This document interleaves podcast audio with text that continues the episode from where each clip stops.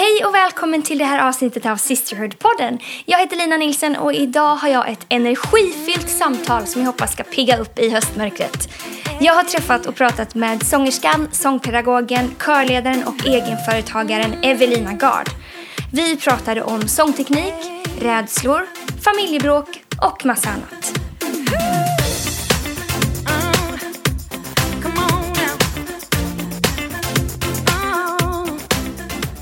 Då säger jag välkommen till rösten bakom Sisterhood-låten. Får jag kalla den det? det. Ja, till i ja, alla fall. Sisterhood-podden-låten. Ja. Eh, legenden, myten, personen. Evelina Gard, välkommen till Sisterhood-podden. Det var ju en fin introduktion. Tack så hemskt mycket. Jag vill att du ska känna dig väldigt välkommen. Ja, Precis, det är ju du, den här låten som vi hade i början, Ja. det är ju du som sjunger på Ja, den. men jätteroligt. Tack för den att vi får använda den. Ja, med glädje. Vad härligt. Vad har du gjort idag? Tagit mig hit, vilket känns som en bedrift. Ja, vi sitter inne i stan. Glashalt och ehm, eh, svårt med parkering. Men eh, det gick bra. Ibland behöver man bara möta sina rädslor och övervinna. Eller? Nej, men det gick bra. Ehm, var drog du ditt första andetag? I Jönköping. tror det står Lekeryd på mitt pass. Eh, jag vet inte varför Ligger står det utanför Jönköping? precis, det gör det ju. Men det, kan ju, det är ju inte något lasarett där. Så att jag... Men Jönköping är jag ju född och uppvuxen i. Ja. Mm. Hur såg er familj ut? Vi är tre systrar eh, och jag är mitten. Och sen har jag min mamma och pappa. Ja. Mm. Så ehm, hur eran uppväxt, jag vet ju lite grann om det och jag har sett lite bilder på eran familj. Mm. Ni var ute och sjöng mycket, eller hur? Hur började det? Ja, det började ju... Mamma gjorde ju liksom det från att hon var ung och sen träffade hon pappa och, då började, och pappa är pianist. Så då började de liksom spela ihop och sen kom vi. Och vi var väl inte kanske med från början så men mamma har faktiskt berättat att jag frågade någon gång så varför får aldrig vi vara med och sjunga? Ja. När jag liksom var fyra, fem år säkert. Och då fick vi följa med liksom sådär. Eh, och sen gjorde vi ju det fram till jag var 15 eller sånt där. Så ni åkte runt som familj Ja. och sjöng på olika ställen? Ja. Vad, hur såg det ut? Liksom, kunde det, var det konserter? Eller Ja, det var någon allt sång? ifrån... Då, liksom, när jag växte upp så fanns det mycket som kallades sommarhem. Eh, vilket var att man körde gudstjänst på liksom, kanske ett lite mindre ställe i liksom, samhället som kyrkan kanske ägde eller sådär. Sommargudstjänster liksom. Och sen så fanns det ju tältmöten. Och, och, och det var mycket liksom, på sommaren som vi åkte så då kunde vi ha, kunde vi ha liksom, 40 spelningar på sommaren. Oj. Och så tog vi med husvagnen och så åkte man liksom runt då. Wow, vilket liv! Turnéliv! Ja, det var det ju verkligen. Eh, nej men och sen så, sen så var det ju absolut i, i, i kyrkor och, och sådär. Eh, och det var konserter. Så vi höll ju liksom i det då från början till slut och min mamma är liksom hade mellansnack och sådär. Väldigt eh, duktig tycker jag, både sångare och liksom har, eh, har verkligen en gåva tycker jag att förmedla texter och sådär. Och, Behövde ni repa och sådär hemma också? Alltså våra rep. Rep slash bråk. Men jag tänkte Ja, det. för var- att överhuvudtaget, både med sina syskon, att vara sams och sen om ens föräldrar säger åt en vad man ska göra och lite sådär. Det är ju lägger bra upplägg för konflikt Mm. kanske. Det var, det, jag skulle säga att det var ju ytterst sällan som vi fick till ett helt rep. Utan det var på feeling mycket. När vi väl stod där Var det någon som sprang iväg och blev sur eller? Jag skulle säga 99 av 100 gånger nästan. Jag tror faktiskt inte att jag överdriver. Ja, men kanske 95 av 100 gånger då. Alltså, eh, framförallt då när vi var lite yngre. Och då när vi var yngre, då var det ju bråk om vem som skulle få sjunga solo. Och sen när man blev äldre, då var det mer så här... Ja men åh, kan du sjunga rätt? Ja, Sådana bråk kanske, eller liksom... Nej, måste vi ta den här låten igen? Och pappa mutade oss med låtar så här som vi liksom... Han visste att folk gillar de här låtarna och själv har man liksom tröttnat på den för länge sedan. Ja, men du får en Pelle Svanslös bok om du sjunger den här. Ja, så ja, det var, det var mycket bråk faktiskt. Men samtidigt så är vi en familj med, med precis lika lätt till skratt liksom och alla konstiga grejer man var med om och eh, liksom. Ja, jag kan tänka mig att det ger en väldigt sammanhållning. Ja men det gör det ju verkligen. Det gör det verkligen. Eh, och, och att, att bråka i sig är ju inget farligt. Nej, det slipar ju oss. Ja men det slipar oss och, och sådär. Mm. När du växte upp då och ni gjorde det här, drömde du om att en dag så här, hålla på med musiken själv eller var det bara någonting naturligt? Ja, det var bara något naturligt. Sen hur jag skulle hålla på med musik har ju växlat genom, och det växlar nästan lite fortfarande. Jag tycker det är ju liksom en process. Egentligen det här så här, att jag vill bli artist. Jag tror inte man, man, man tänkte det så tydligt på den tiden. Jag låter som att jag är gammal, men det är jag ju ur, ur den här Eh, menar du aspekten. på den tiden eller menar du på den tiden när du var yngre? Förstår du vad jag menar? Att på den tiden när man var tio eller på den tiden när man... Nej, jag menar faktiskt 70-80-talet. Ja. Men då fanns ju inte Idol, då fanns inte de här programmen som våra barn liksom växer upp med. Nej. Där det är så tydligt att man liksom ska slipa en artist och, och, och man kan liksom, åh oh, nej jag har drömt om det här sedan jag var fem år liksom.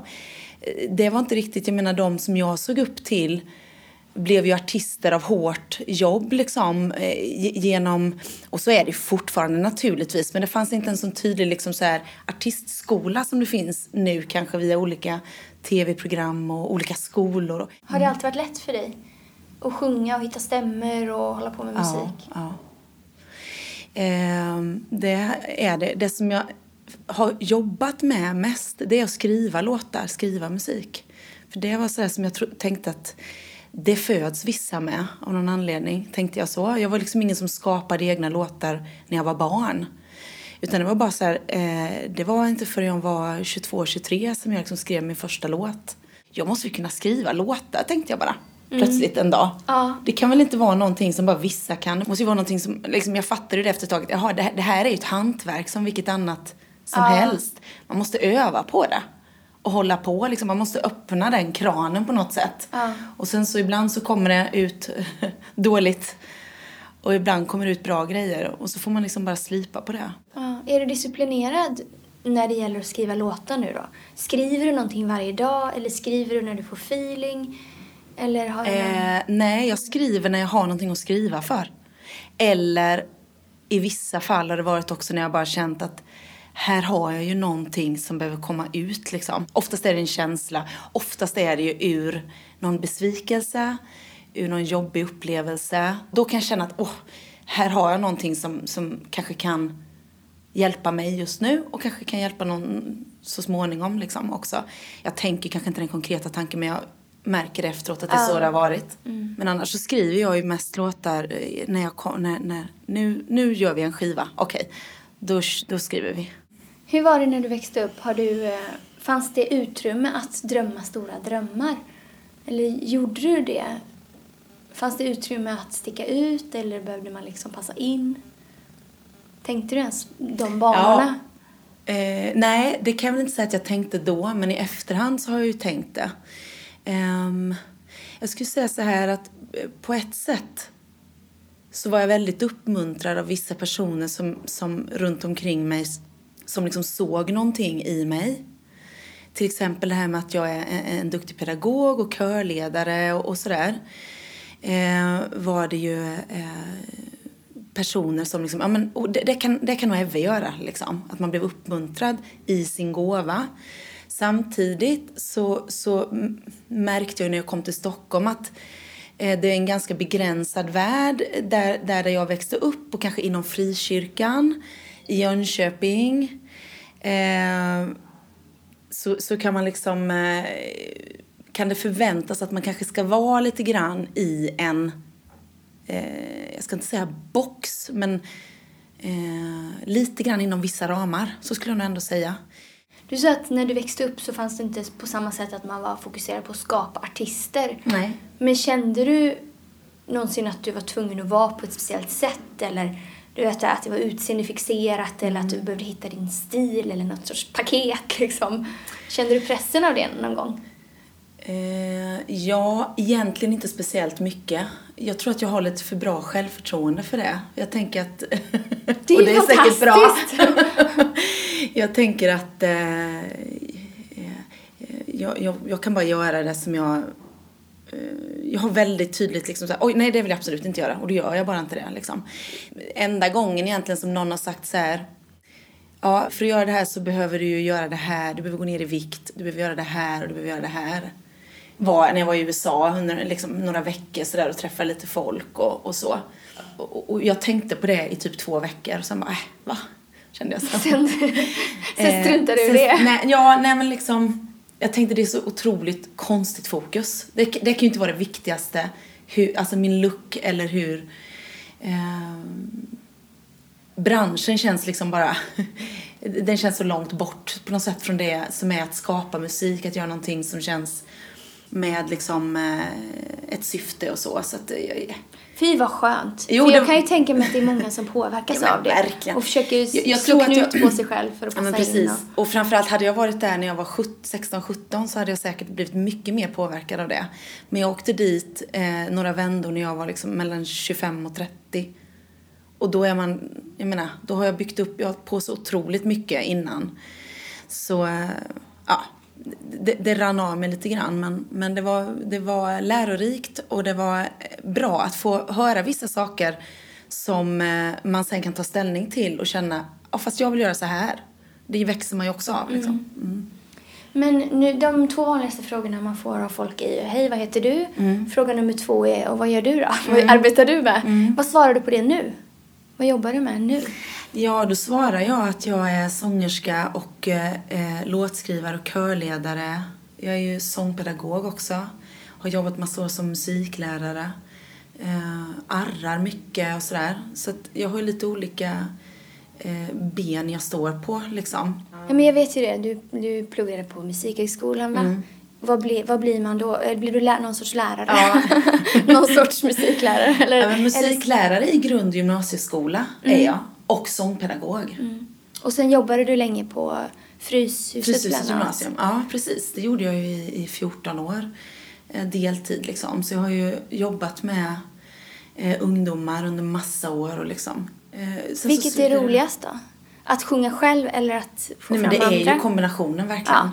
Och sen finns det olika sammanhang att sjunga i och jag har ju märkt att jag tycker det är väldigt kul att göra grejer med andra. Hur var det att ta steget från att jobba, då i alla fall deltid på Fryshuset, till att helt bli din egen? Mm. Vad var det som fick dig att ta det steget? Um, det var att jag kände att jag behöver nya utmaningar.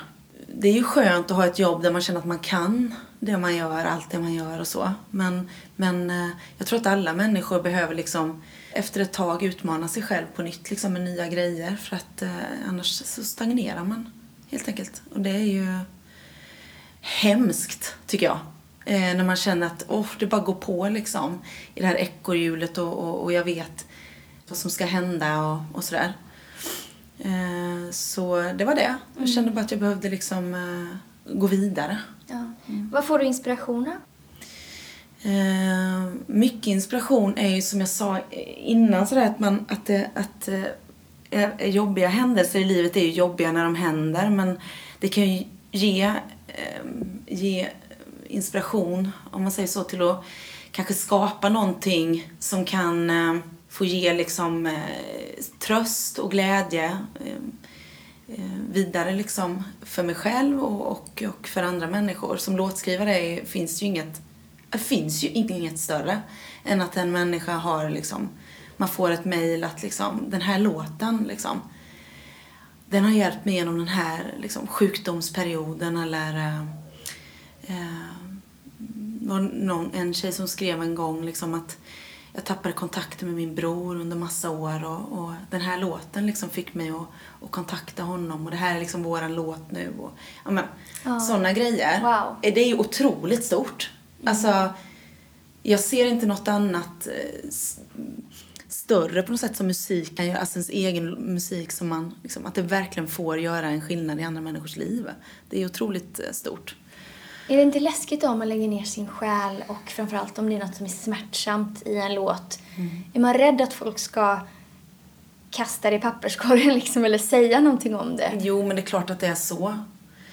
Jag har dock aldrig varit med om att någon har sagt så här, vad, det, här var, det här lät dåligt liksom. Det tror jag inte folk säger. Nej. men, men däremot kan man ju känna att saker tas emot på olika sätt, alltså mer eller mindre liksom att folk bryr sig mer eller mindre. Och det är ju verkligen, jag menar, det är, ju, det, är ju, det är ju det svåra med att hålla på med musik. Jag menar, folk bryr sig inte alltid om vad man håller på med liksom. Mm. Eh, kan man försörja sig? Nej, inte jag i alla fall.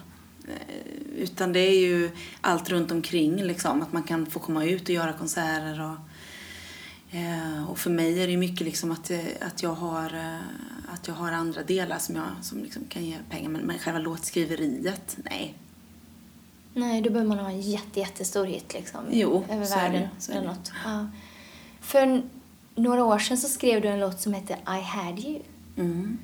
Vad handlar den om? Den handlar också om någon brusten, någon brusten period i ditt liv. Mm.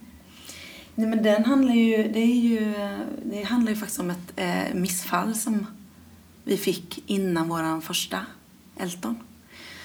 Eh, det var ju precis en sån situation. Eh, när man bara är fruktansvärt ledsen. Och så säger han, ja men det är ju vanligt liksom. Ja, ja fast det hjälper ju inte mig. Nej. Det är ju precis lika smärtsamt ändå. Um, men då skrev jag den, I had you, you had me. Och sen så I lost you, had to let you go. Sen var det inget mer med det. Det fanns liksom ingen tröst i den låten mer än att jag fick ur mig min smärta lite grann. Ja, och det kan ju finnas en tröst i det. Ja, men visst. Och även Absolut. ge tröst till andra. Att man tillåts att känna vissa saker mm. och, och gå igenom vissa mm. saker. Ja, men verkligen. Eh, och smärta är smärta och det, ibland, är det bara, ibland är det bara svart och mörkt liksom. Eh, men det är klart att eh, för mig så, så eh, att skriva den låten. Och, och jag sjöng faktiskt den första gången flera, på flera år i, i förra sommaren. Och, eh, och bara, just det. Det var riktigt tufft liksom.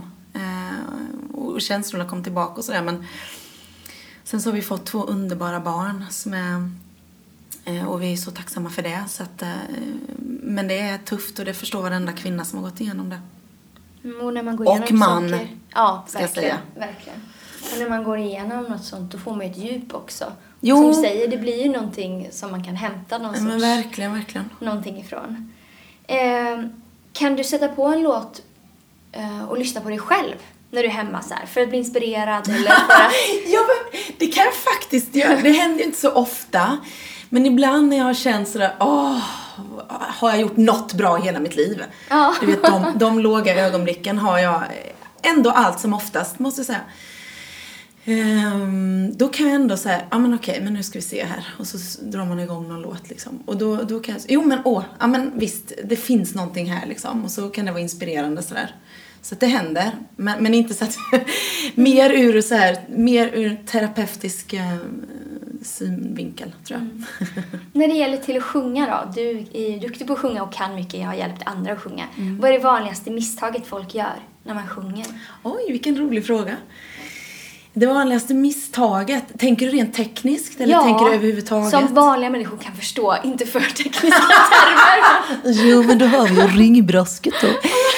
nej, um, nej, men dels så tänker jag så här att för det första så tror jag att man underskattar det här av hur viktigt det är att man själv har blivit berörd för att kunna förmedla beröring till någon annan. Eh, och då tänker jag, då tänker jag liksom alla artister, eh, högt och lågt så att säga att faktiskt alltid försöka eh, eh, dra ur låten. Vad är, det, vad är det med den här låten? Vad är det jag vill förmedla liksom? Eh, också ett stort misstag tycker jag som, som verkligen många gör, inte bara misstag och misstag, men, men, men saker som man kan jobba på är ju att inte, inte tänka, och här står jag och sjunger. Eh, för dels kan man ju, blir man ju nervös av det, man blir för självmedveten. Utan du är redskapet för musiken på något sätt och för Gud om man är kristen liksom. Så är det ju så, den, den eh, ingången som jag har liksom när man ska göra en konsert eller man ska sjunga liksom att okay, varför står jag här nu? Det är ju inte för att jag, det är inte jag liksom Nej. som ska förmedla någonting. För det, det, det gör en mest bara nervös, man får prestationsångest och sådär. Så det brukar jag försöka liksom påminna mig om varje gång eh, som jag liksom ska gå fram och göra. Vare sig det är stort eller litet liksom. Mm. Vad är det jag ska förmedla? Sen tekniskt, om vi Ja. är rent praktiska så, då är det ju ofta att kanske man tänker att när man ska sjunga, sjunga på liksom starka toner högt upp, att man måste ta i så fruktansvärt mycket. Många blir ju hesa liksom där, när man sjunger högt upp och man liksom så här. Och det är kanske för att man har blåst på med lite för mycket kraft. Ehm, och att man liksom ah! sjunger med liksom luft och man får med liksom, man trycker på liksom så mycket. Det, det felet gör väldigt Ja. många faktiskt. Ehm, så det brukar, det brukar hjälpa jättemånga när jag liksom jobbar med dem. Att här, det är inte, du, ska inte, du måste få tät klang, brukar jag prata om då. Så tät, det är liksom att det inte läcker i luft. Just eller hur? det. Ja. Klang. Den är mer samlad. Eller, ja. Killar gör ganska ofta det här misstaget. Att de kör eh, luftigt. Tror du att de... De tycker att... de, tycker att, de tycker att de... Men de kanske liksom vill ha ett sound. Ja, visst, visst. Att det och det lite... kan man hitta ändå. Ja. Men man behöver bara få lite. Men kan alla lära sig sjunga? Eller finns det vissa som bara är helt tondöva? Jag vet faktiskt inte. Har du träffat någon som du har Nej. försökt lära som aldrig? Nej. Nej. Jag vet inte. Men, men det är klart, då har jag ju inte fått någon som själv säger "Nej, jag kan absolut, jag är helt tondöv, hjälp mig. Jag vet faktiskt inte om det här tondöv, om det är någonting som man verkligen kan vara. Jag vet faktiskt inte. Eller om det bara är ett uttryck. Eller om det är ett uttryck. Det kanske är en ny tv-show. Tondöva. Göra skapa artister Finns eller de sångare. tondöva? Frågetecken. Nej, jag vet inte. Nej, jag vet faktiskt inte. Det, det, jag har som sagt inte stött på någon. Många gånger är det ju, om man sjunger falskt, Ja. så är det många gånger en teknisk fråga faktiskt. Man har så mycket muskler som man kanske inte vet om att man behöver använda. Och därför så blir det lite... Man får inte riktigt stabilitet kanske eller sådär. Det var intressant. Ja, det här kan vi prata länge om. Du är ju också sångerska. Ehm, om jag gör så här, vad händer då? Jag tycker om dig, Nej! jag tycker om dig Tycker du Jag om vill mig? ha dig som du är Vad är det för någonting? Att du är, du är bra så ska du säkert vara. Det är familjen Gards hit. Alltså nu pratar vi familjen Gard. eh, När jag var ung. Jag tror att skivan släpptes 1992 Den finns på Det är Spotify, det som är det värsta. Spotify också Ja, för jag hörde att den har kommit eh, på Spotify. Jag vet inte vems initiativ det var riktigt, men eh, nej då. Men när du hör alltså, en så här, låt, den, ja. låten, den låten är ju, den tyckte vi var lite sådär pinsam då eh, också. Men jag känner faktiskt otroligt mycket kärlek bara när jag hör de där låtarna. Och min Otroligt pappa, bra text skulle jag Ja, säga men det är det ju verkligen. eh, högaktuell, alltid. Eller ännu mer nu nästan än när, när, när man gjorde den då. Men när du hör en låt, eh, tar du alltid en stämma då? Eller när det kommer? är det, finns det liksom i blodet? Ja, det gör det ju lite. Nej, men jag måste väl inte alltid ta stämma i och för sig, men... eh, Eller när ni träffas med era systrar? Mm. Blir det att ni sjunger tillsammans? Någonsin? Ja, verkligen. Eh, Ja, absolut, så är det ju. Framför allt jag och Johanna, min lilla syra. Vilka artister eller sångare inspirerades du av när du Ja. växte upp då? Den första stora idolen jag hade var Whitney Houston. Och Celine Dion kom lite grann i samma period där. Hon var ju liksom med i Melodifestivalen. Men, men då, och då var det liksom, då fanns det ju inte, då fick man ju inte tag på den låten efteråt. Utan man fick liksom titta på videon då och försöka Just lägga över det på kassett. Men, men hon, hon, hon tävlade för Schweiz och sådär. Och sen så dök inte hon upp igen förrän hon släppte engelska skivor. Och det var liksom senare. Men då slängde jag mig över den. Och jag har alla Celine Dions skivor. Och det är så här 40 skivor kanske som hon har släppt. Franska, engelska. Wow. Så hon, hon, hon, hon har ju inspirerat jättemycket. Sångtekniskt skulle jag säga. För några år sedan, nu minns jag inte exakt hur många år sedan, men då hände det något med din röst så du behövde vara tyst. Ja, I flera månader. Ja. Var det, vad, vad var det som hände? Jag blev gradvis hesare och hesare under en period. Jag jobbade mycket, sjöng i en gospelkör och hade inte tekniken för det då. Ehm, så jag blev hes och eh, he, helt plötsligt, jag fick bara en uppenbarelse, kommer jag ihåg när jag satt och jobbade då med, med på skolan där jag jobbade och bara, okej, jag har ingen röst. Jag hade ju varit hes en del liksom fram och tillbaka under hela min uppväxt egentligen. Och, och det är inget konstigt att man kan vara det i perioder så. Speciellt när man liksom utvecklas i rösten så är det lätt att man blir hes.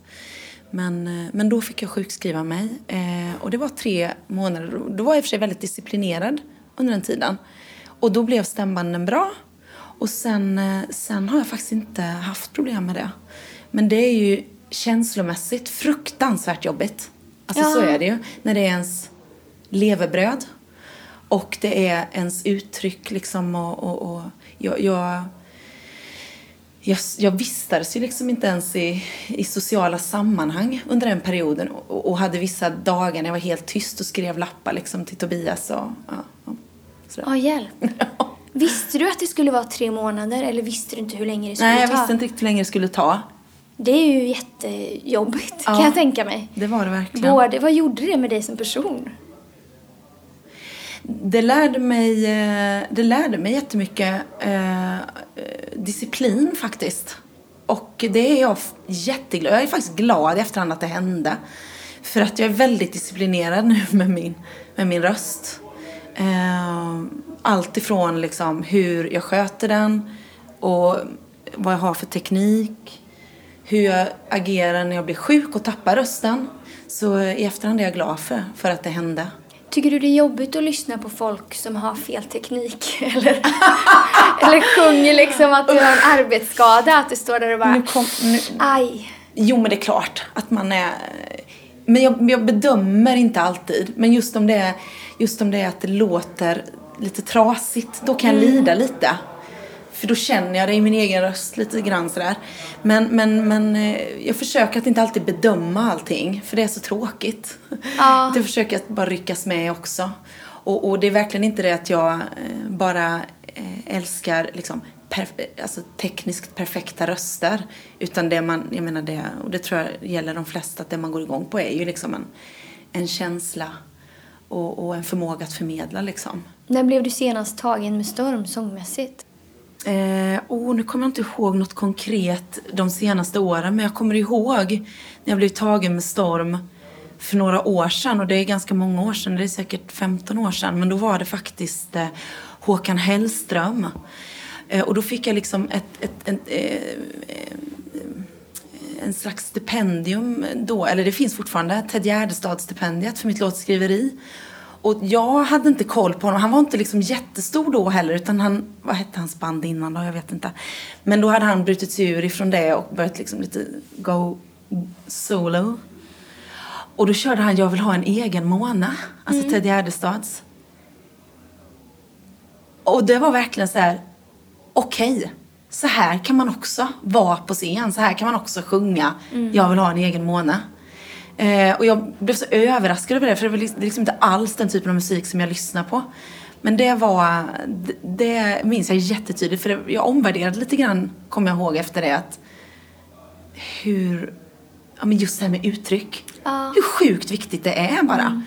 Att, man, att man säger någonting och, och gör någonting av, av eh, det man har liksom och inte bara att det ska låta så snyggt. Nej men i hans fall så skulle jag inte jag tänka spontant på perfekta toner Nej, direkt. verkligen inte. Det är nästan Utan, tvärtom. Ja, det är mm. mer någonting den han är och det mm. han förmedlar. Mm. Otroligt intressant. Ja. Eh, vad drömmer du om nu framöver? Um, ja, jag fyllde ju 40 nu. Uh, jag ska inte säga att jag är en 40-årskris. Uh, men, men, men jag känner att liksom jag går in i ett annat skede i livet och letar lite nu. Vad, vad, vad, vad, vad, vad har jag inom mig och vad finns det utanför mig där liksom där jag kan, vad, vad, kan jag göra av det jag har liksom och med de människorna runt omkring mig och jag är lite sökande just nu faktiskt mm. och det känns lite spännande samtidigt som det är jobbigt innan varje ny säsong så är det jobbigt. Det är verkligen jobbigt. Men det är kanske något liknande som när du valde att sluta på Fryshuset ja, och man tar ett nytt steg ja. och så gör man det ett tag och sen som du säger så behöver man fortsätta utvecklas oh. och hitta nya utmaningar. Mm. Och det är lite jobbigt. Det är ju liksom en process och man ska liksom jobba med sina eh, känslor kring saker kontra vad är liksom vad är vettigt, vad är liksom syftet med mitt liv och och med min musik och sådär. Du får gå hem och skriva en låt om det tror jag. Vad är mitt syfte?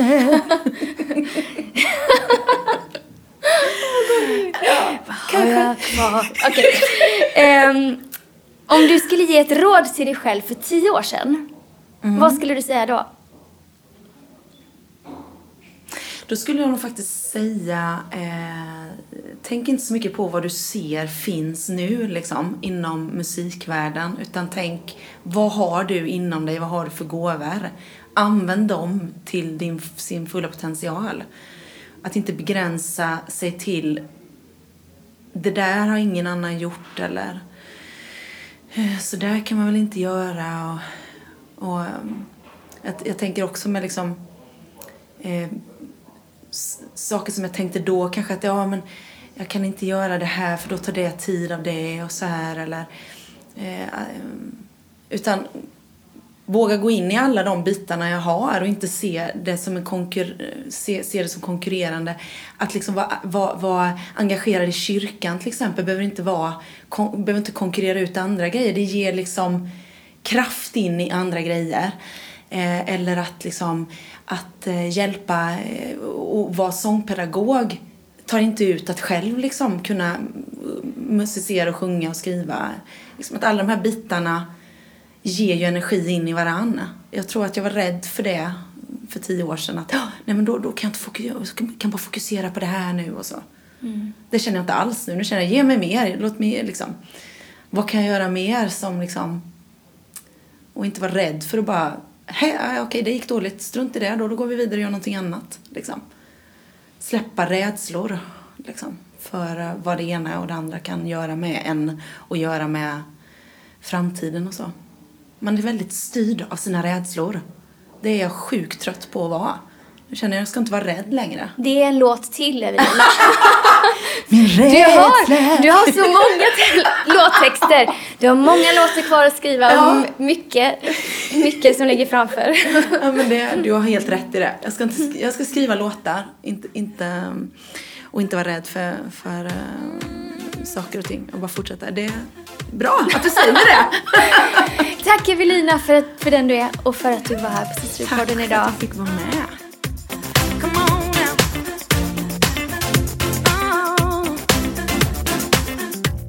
Evelina är så härlig.